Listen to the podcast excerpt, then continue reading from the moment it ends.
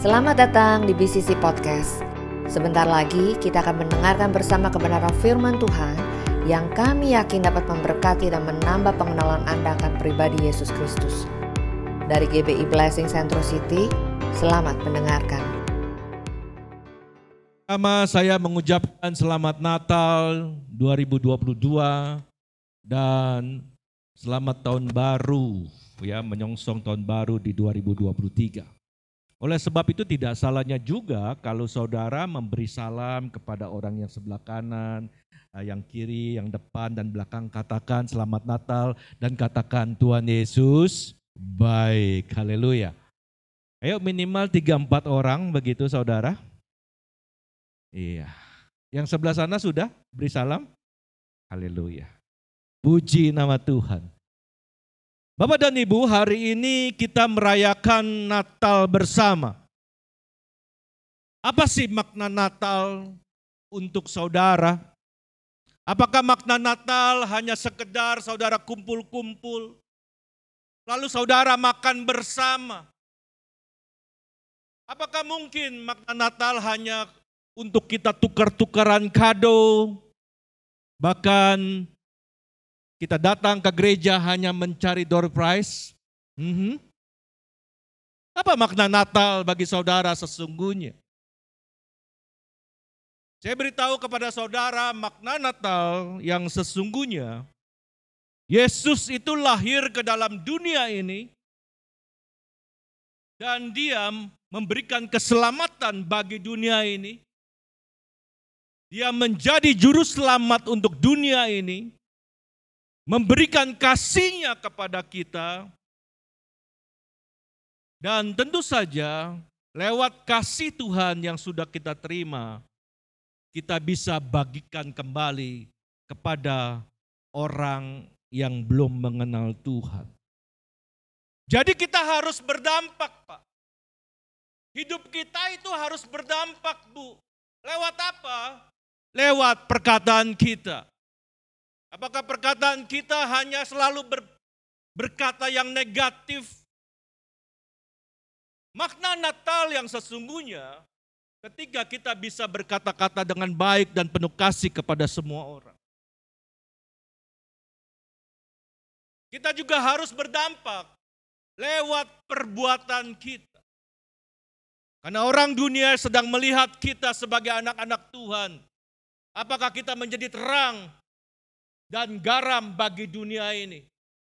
Karena orang-orang dunia yang tidak mengenal Tuhan sedang membutuhkan terang dan kasih Yesus yang ada dalam kehidupan kita.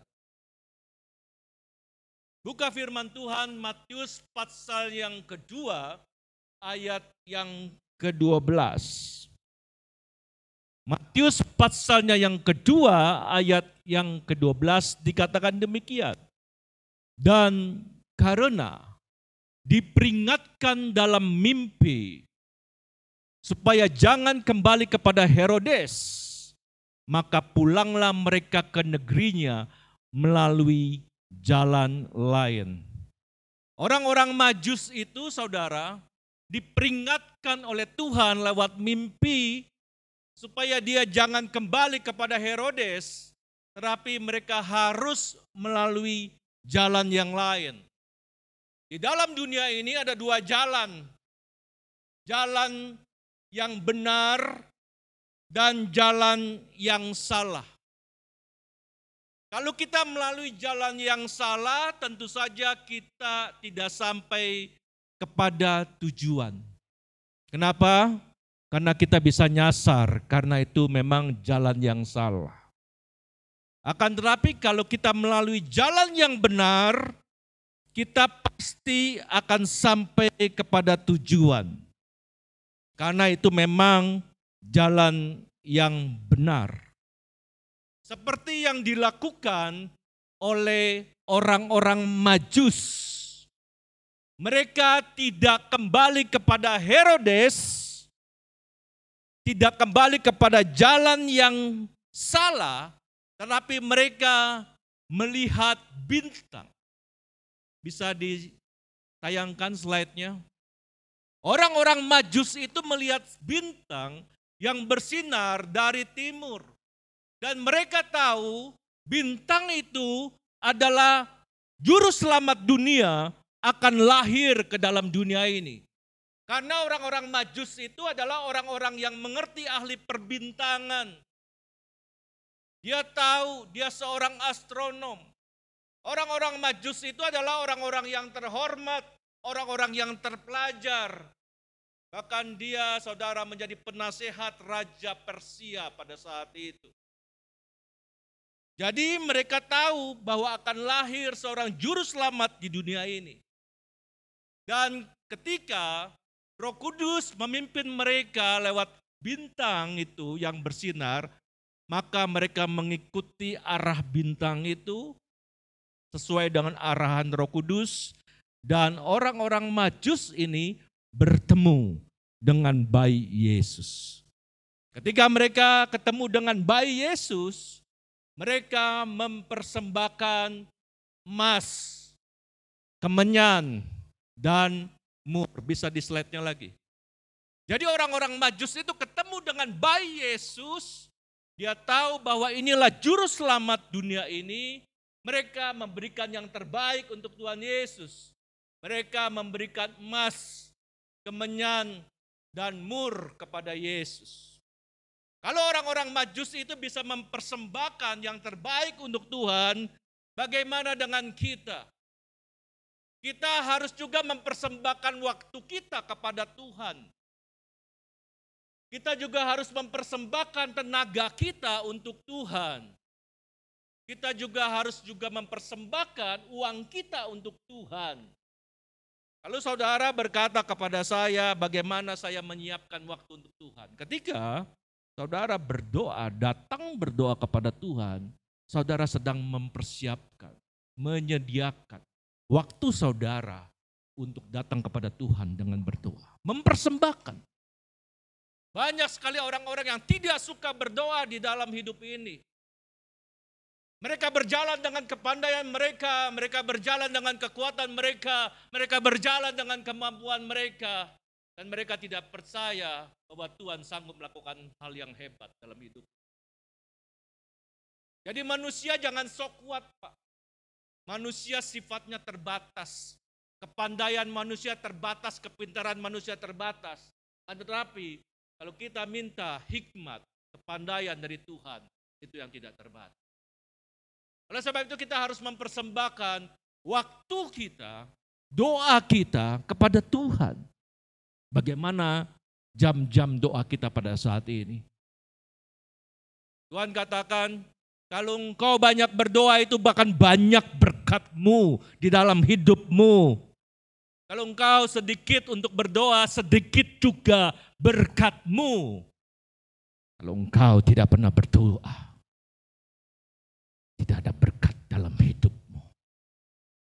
Karena Tuhan adalah pemegang kunci berkat. Bumi, langit, dan seluruh isinya Tuhan yang punya. Kalau dia ingin memberkati engkau, begitu mudahnya dan gampangnya seperti membalikkan telapak tangan. Putih jadi hitam, hitam jadi putih. Karena Tuhan yang membukakan jalan. Kalau Tuhan sudah bukakan jalan, tidak ada seorang pun yang dapat menutupnya. Akan tetapi, kalau Tuhan sudah menutup jalan itu, tidak ada seorang pun yang bisa membukanya. Oleh sebab itu, kita harus selalu menyenangkan hati Bapa di surga. Katakan amin dulu. Ketika hati Bapa di surga disenangkan, setiap kebutuhanmu, setiap keperluanmu, Tuhan tahu karena engkau mempersembahkan waktumu. Tapi banyak sekali orang yang suka nonton film sinetron, yang suka drama Korea, mereka bisa nonton drama Korea bisa berjam-jam sampai-sampai mata tidak berkedip melihat bintang Korea. Apalagi bintangnya Lee Min Ho, saudara. Tapi kalau disuruh berdoa malas. Tapi kalau nonton sinetron, kalau nonton drama Korea bisa berjam-jam. Saya beritahu kepada Drama Korea itu hanya hiburan semata-mata dunia. Kadang engkau senang lihatnya, tapi setelah itu ya sudah. Tapi damai sukacita sesungguhnya cuma di dalam Tuhan. Oleh sebab itu, siapkan waktumu, tenagamu untuk Tuhan. Kalau kita beribadah, beribadah yang benar. Kalau hari Minggu waktunya kita ibadah, Pak. Bu, kalau hari Minggu waktunya kita ibadah. Dan itu jangan ditawar. Tuhan hanya minta waktumu satu jam setengah atau dua jam untuk kita beribadah, menikmati hadirat Tuhan lewat firman-Nya, lewat pujiannya. Bukankah banyak orang yang dijama ketika pujian itu dinyanyikan?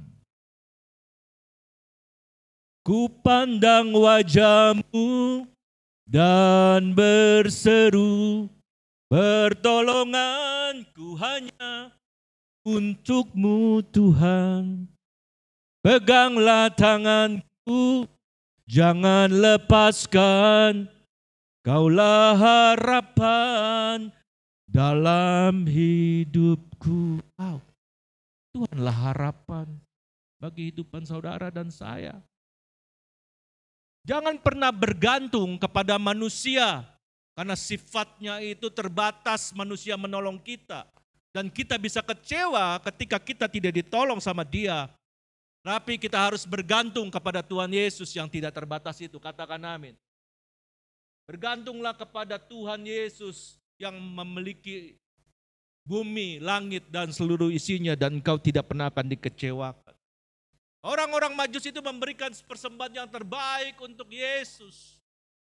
Kadang kita mempersembahkan uang hitung-hitungan sama Tuhan. Padahal Tuhan sudah memberkati engkau. Tapi ketika kita diminta untuk memberikan persembahan persepuluhan saja udah hitung-hitungan sama Tuhan. Jangan kikir sama Tuhan. Amin. Kita dapat 100% dapat keuntungan 100% Tuhan memberkati. Tuhan minta 10% untuk membantu gereja Tuhan, untuk membiayai gereja Tuhan saja masih hitung-hitungan. Jangan sampai Tuhan juga hitung-hitungan dengan saudara. Kalau Tuhan hitung-hitungan, ayo setiap tarikan nafasmu, engkau bayar 100 ribu sama aku. Karena itu nafas yang aku berikan kepada hidupmu. Bayar kepada aku. Sanggupkah kita bayar? Kalau Tuhan ngomong, Halo, engkau tidak pernah memberikan persembahan kepadaku, sekarang kesehatanmu aku tarik. Sekarang engkau di kursi roda saja ya, engkau diranjang saja. Bagaimana? Jangan pernah hitung-hitungan sama Tuhan. Bagian kita, kita kelola dengan baik, kita manage dengan baik. Bagian untuk Tuhan kita berikan dengan hati yang benar, yang sukacita. Itulah makna Natal yang sesungguhnya. Memberikan yang terbaik untuk Tuhan. Saya berikan seluruh uh, sedikit ilustrasi untuk saudara. Ini adalah sebuah pensil. Dan pensil ini harganya murah, Pak. Bu, harganya murah. Palingan cuma 5 ribu atau hanya 10 ribu. Kalau pensil ini saya taruh di meja, kemudian saya lupa menaruh pensil ini di mana, mungkin sih saya mencarinya pensil ini karena saya membutuhkannya. Tetapi saya pasti mencarinya tidak sungguh-sungguh. Kenapa? Karena harga pensil ini murah. Kalau sudah hilang ya sudah, saya akan beli lagi. Tetapi kalau saya kehilangan cincin bermata berlian ini, saya taruh di meja dan saya hilang cincin ini, saya pasti akan mencarinya sungguh-sungguh. Kenapa? Karena harga cincin ini sangat mahal dan sangat berharga. Oleh sebab itu saya akan sungguh-sungguh mencarinya. Mungkin saya bisa setengah harian untuk mencari cincin ini sampai ketemu. Saya beritahu kepada saudara, harga saudara di mata Tuhan beratus-ratus kali lipat dari harga cincin berlian ini. Bahkan unlimited. Kenapa? Karena saudara berharga di mata Tuhan. Oleh sebab itu Tuhan akan mencari saudara ketika saudara jauh dari Tuhan. Tuhan akan mencari saudara supaya saudara dekat kembali kepadaku. Ketika saudara jauh, tidak beribadah lagi, tidak pernah berdoa, tidak pernah membaca firman Tuhan, hidup sembarangan, sembrono, hidup di dalam dosa, Tuhan mau mencari saudara. Karena saudara sudah terhilang, karena saudara itu berharga di mata Tuhan, dia mau mencari saudara. Oleh sebab itu saudara, Tuhan itu adalah Allah yang penuh dengan kasih. Seperti saya katakan dunia ini ada dua jalan. Jalan orang fasik, jalan orang yang tidak benar, dan jalan yang benar. Saudara mau pilih yang mana? Dulu waktu sekolah minggu saya masih ingat saudara, ada pujian mengatakan begini. Di dalam dunia ada dua jalan. Dan sempit mana kau pilih? Yang lebar api jiwamu mati. Tapi yang sempit Tuhan berkati. Saudara mau pilih yang mana? Tuhan menawarkan kita. Engkau punya hak untuk memilih. Jalan yang besar, yang lebar, yang penuh dengan keduniawian, yang penuh dengan fasilitas dunia. Atau jalan yang sempit. Jalan yang sempit itu dekat sama Tuhan, hidup benar sama Tuhan, perkataan juga dijaga, jangan perkataan yang negatif. Pikiran juga bukan pikiran jahat, pikiran yang baik. Perbuatan juga perbuatan yang baik. Itu jalan mana yang kau pilih? Tuhan memberikan kesempatan untuk kita. Tentu saja kalau engkau mau berjumpa dengan Yesus hidup benar, sempit nggak apa-apa. Dengan cucuran air mata Nggak apa-apa. Mau hidup benar kok aku. Aku mau hidup kudus kok di hadapan Tuhan. Aku tidak mau mencemari tubuhku dengan hidup yang tidak benar. Hidup yang dosa. Enggak. Aku mau menyenangkan hati Tuhan. Pilih jalan yang sempit nggak apa-apa. Tapi ujung-ujungnya kita akan menerima mahkota kebenaran. Mahkota kehidupan. Ketika kita dipanggil Tuhan Tuhan katakan, mari anakku. Aku melihat semua perbuatanmu di dalam dunia ini. Mari masuk di dalam perhentianku. Masuk di dalam kerajaanku. Yang sudah tidak ada lagi penderitaan di sana. Seperti yang dilakukan Tuhan Yesus kepada Jakius. Kalau saudara membaca di Lukas pasal 19 ayat 1 sampai 10, ini mengenai Jakius. Di cerita itu Alkitab mencatat Yesus mau mampir ke rumah Jakius. Jakius itu profesinya pemungut cukai. Kepala pemungut cukai. Jadi Jakius itu bukan orang baik-baik. Dia tukang tagih. Dia tukang peras dan dia sangat dibenci oleh bangsa Israel karena kelakuannya. Karena Jakius ini tidak berpihak kepada bangsa Israel, tapi dia berpihak kepada penguasa Romawi. Tetapi perhatikan, Yesus mau mampir ke rumah Jakius karena Jakius juga mau diselamatkan Pelayanan Yesus tidak eksklusif. Dia tidak pilih-pilih orang. Orang yang kaya dia layani. Orang yang miskin juga Yesus layani. Kadang kita kalau mau melayani, kita pilih-pilih orang. Kalau orang-orang yang kaya, kita sampai hormat, sampai badan kita ber, berbungkuk-bungkuk seperti itu. Yesus tidak seperti itu. Bahkan ketika wanita yang berzina datang kepada Yesus minta ampun, dia bersimpu di kaki Yesus. Dia menangis dengan sungguh-sungguh atas kesalahannya, dia minta ampun. Dia menyeka Yesus kakinya dengan rambutnya, dengan minyak narwastu. Yesus tidak berkata, hei najis, kamu najis, aku kan kudus. Dia tidak berkata seperti itu Pak. Dia cuma berkata, anakku, dosamu telah aku ampuni. Jangan berbuat dosa lagi. Itu yang dilakukan oleh Yesus. Karena wanita yang berzina ini sangat berharga di mata Yesus. Yesus mau menyelamatkan jiwanya. Jakius pemungut cukai itu mau juga diselamatkan jiwanya. Dan ketika Jakius dijamah oleh Tuhan, dia ngomong gini, Tuhan setengah dari hartaku akan kuberikan kepada orang miskin. Kalau ada orang yang kuperas Tuhan, akan kukembalikan empat kali lipat. Wow, ini hebat sekali perkataan ini. Ketika kita dijamah oleh Tuhan, kita akan berubah.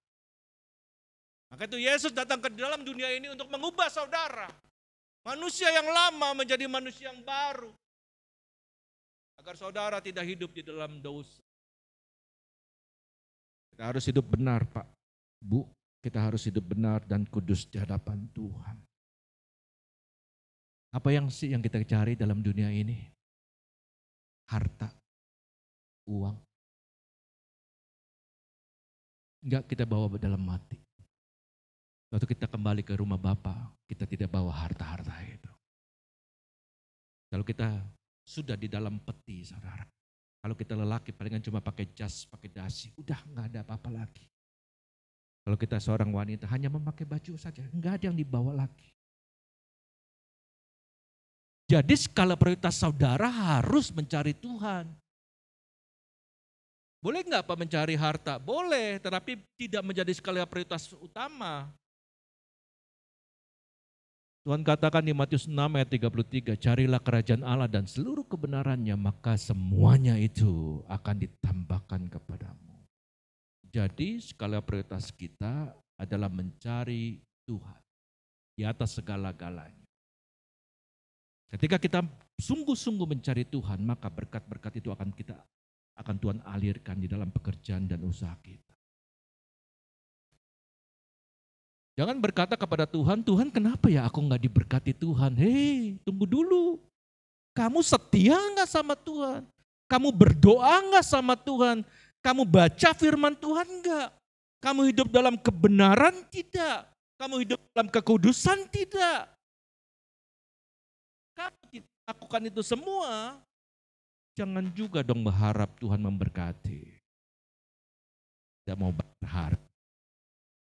kalau kita mau berharga, Tuhan pasti memberkati kehidupan saudara dan saya. Orang-orang majus ini sangat hebat. Ketika dia ketemu dengan bayi Yesus, dia memberikan persembahan yang benar. Kita pun juga harus memberikan persembahan yang benar kepada Tuhan.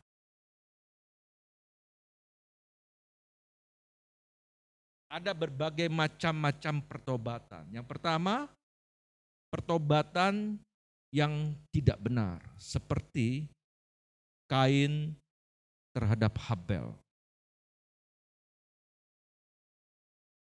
Ketika Kain memberikan persembahan kepada Tuhan, korban persembahan kepada Tuhan, Tuhan tidak mengindahkan persembahan Kain karena Tuhan tahu hati Kain tidak benar, tidak tulus dalam memberikan persembahan. Maka tidak diindahkan.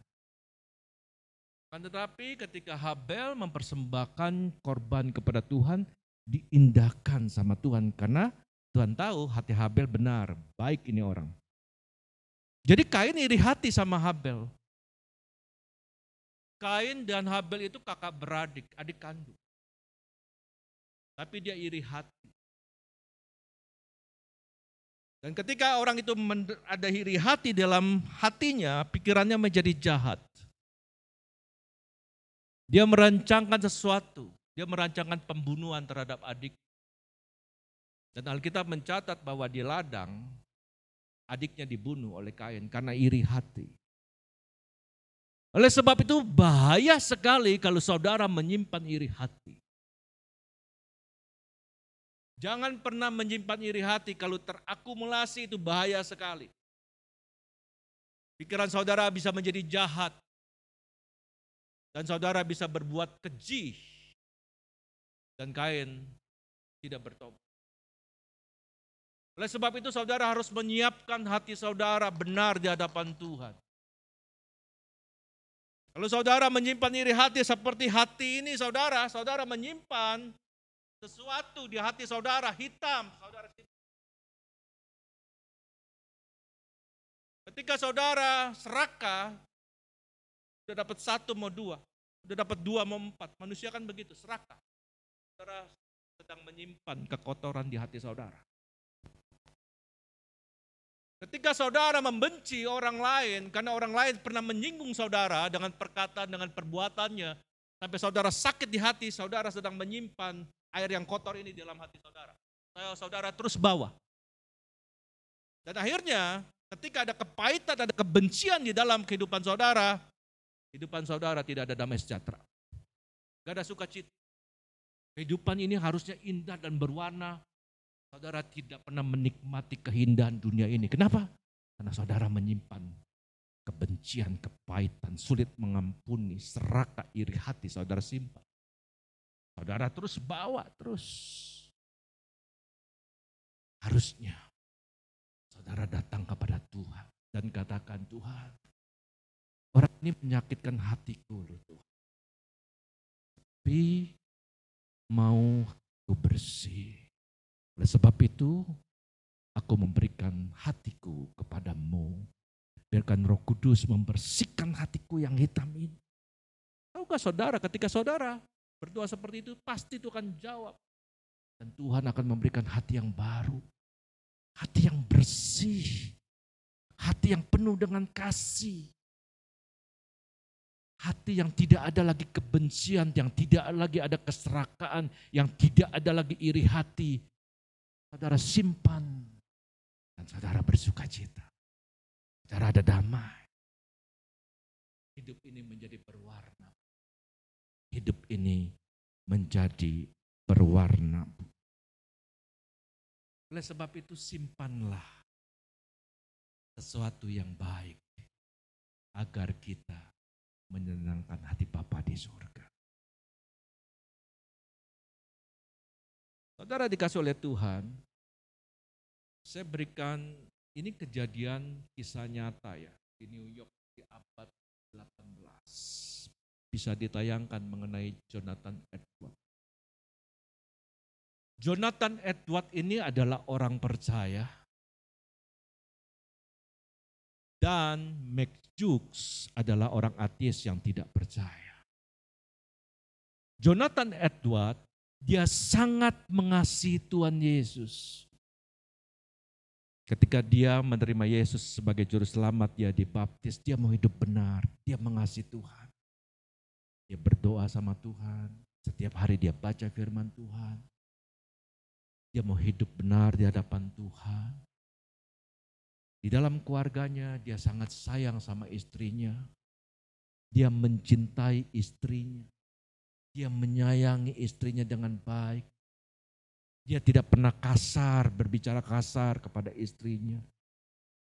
Ketika Jonathan Edward ini memiliki anak, saudara, anak-anaknya diajar, dididik dengan benar untuk takut sama Tuhan. Bahkan setiap hari Minggu, ketika dia beribadah, saudara, dia antarkan juga anaknya juga ke sekolah minggu. Diajarkan firman Tuhan. Dari kecil diajarkan firman Tuhan. Setiap hari Jonathan Edward selalu berdoa untuk anak-anaknya dan dia berkata kepada Tuhan, Tuhan lindungi anak-anakku, berikan kepandaian, berikan kecerdasan untuk anak-anakku, berikan roh yang takut akan Tuhan untuk anak-anakku, berikan roh yang menghormati kedua orang tua. Selalu didoakan. Tetapi saudara dikasih oleh Tuhan berbeda dengan Max Jukes orang ateis ini. Max Jukes ini hidupnya sembrono, hidup di dalam dosa. Dia mau-maunya sendiri saudara.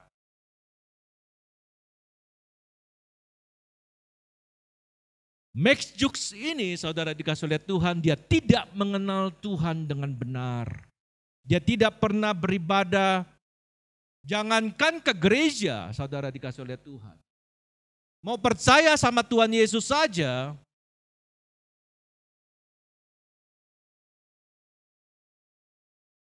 dia tidak mau percaya dengan Tuhan Yesus. Dia kasar sama istrinya. Kalau berkata kasar.